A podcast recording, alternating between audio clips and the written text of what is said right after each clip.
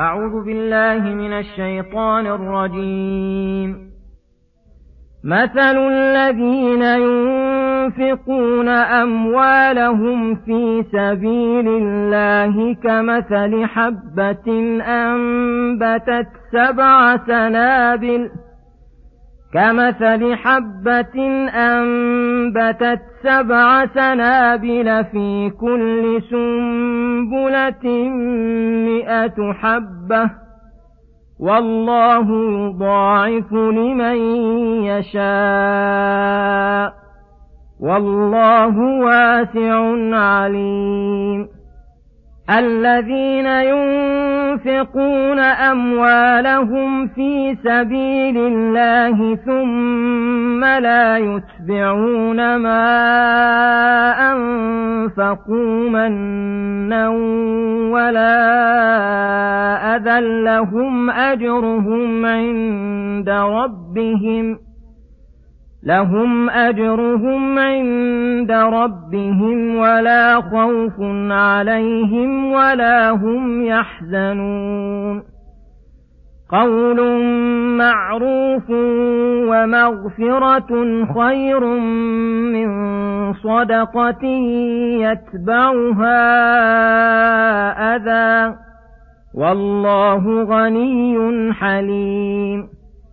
يا أيها الذين آمنوا لا تبطلوا صدقاتكم بالمن والأذى كالذي ينفق ماله رئاء الناس كالذي ينفق ماله رئاء الناس ولا يؤمن بالله واليوم الآخر فمثله كمثل صفوان عليه تراب فأصابه وابل فتركه صلدا لا يقدرون على شيء مما كسبوا. والله لا يهدي القوم الكافرين. ومثل الذين ينفقون أموالهم ابتغاء مرضات الله وتثبيتا من أنفسهم. وتثبيتا من أنفسهم كمثل جنة بربوة أصابها وابل فآتت أكلها ضعفين فآتت أكلها ضعفين فإن لم يصبها وابل فطل والله بما تعملون بصير.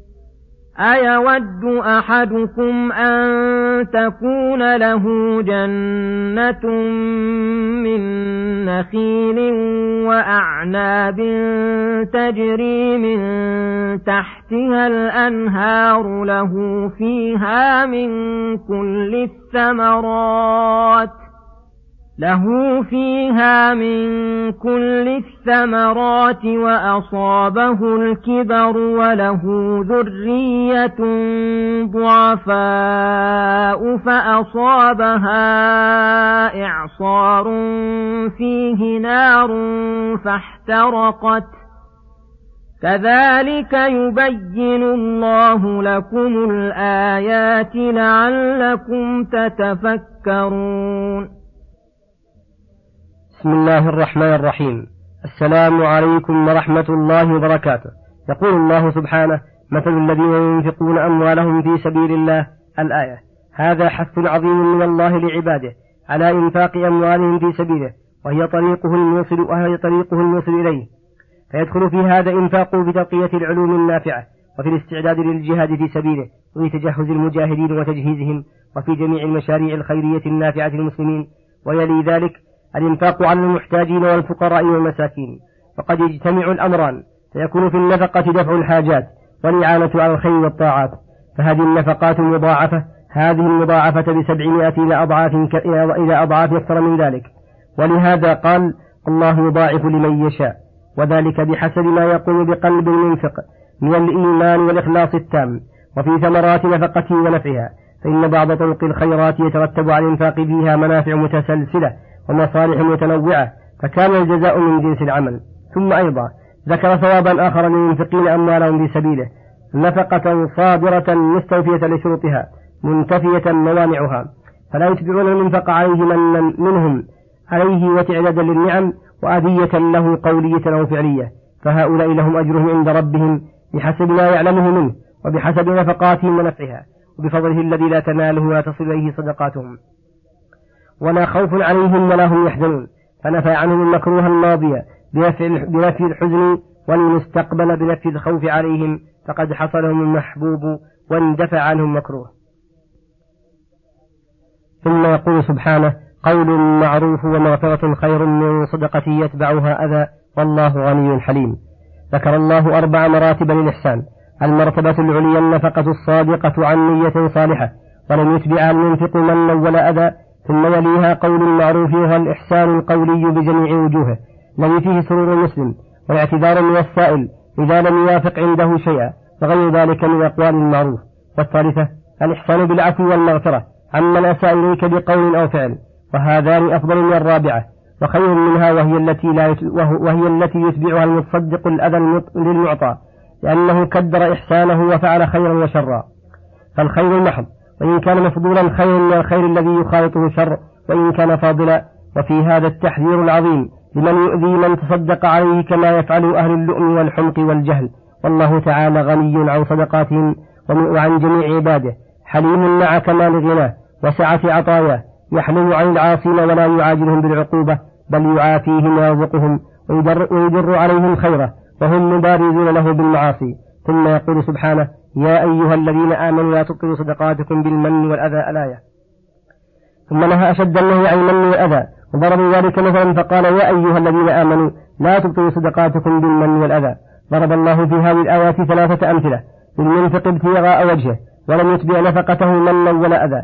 ولما أتبعها منا وأذى وللمرائي فأما الأول فإنه لما كانت نفقته مقبولة مضاعفة بصدورها عن الإيمان والإخلاص التام ابتغاء مرضات الله.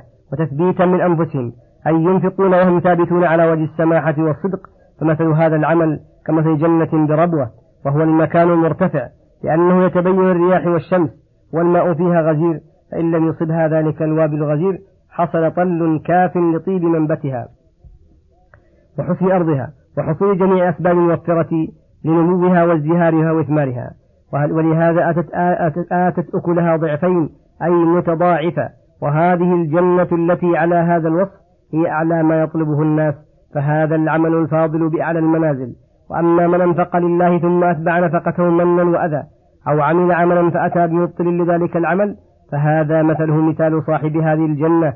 لكن سلط عليها إعصار وهو الريح الشديدة فيه نار فاحترقت وله ذرية ضعفاء وهو ضعيف قد أصابه الكبر. فهذه الحال من أفظع الأحوال ولهذا صدر هذا المثل بقوله أن يود أحدكم إلى آخرها باستفهام المتقرر عند المخاطبين فضاعته. فإن تلفها دفعة واحدة بعد زهاء أشجارها وإيناع ثمارها مصيبة كبرى ثم حصول هذه الفاجعة وصاحبها كبير قد ضعف عن العمل وله ذرية ضعفاء لا مساعدة منهم له ومؤونتهم عليه فاجعة أخرى فصار صاحب هذا المثل الذي عمل لله ثم أبطل عمله بمناف له يشبه حال صاحب الجنة التي جرى عليها ما جرى حين اشتدت ضرورته إليها.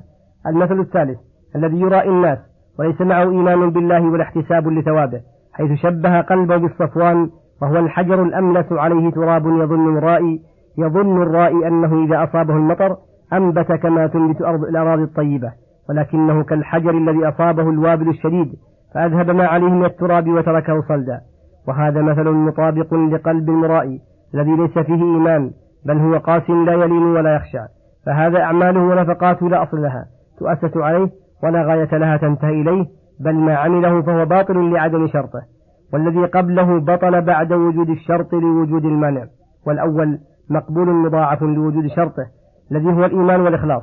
والثبات وانتفاء الموانع المفسدة. وهذه أمثال الثلاثة تنطبق على جميع العاملين. فليزن العبد نفسه وغيره بهذه الموازين العادلة. والأمثال المطابقة وتلك الأمثال نضربها للناس وما يعقلها إلا العالمون وصلى الله وسلم على نبينا محمد وعلى آله وصحبه أجمعين وإلى الحلقة القادمة غدا إن شاء الله. السلام عليكم ورحمة الله وبركاته.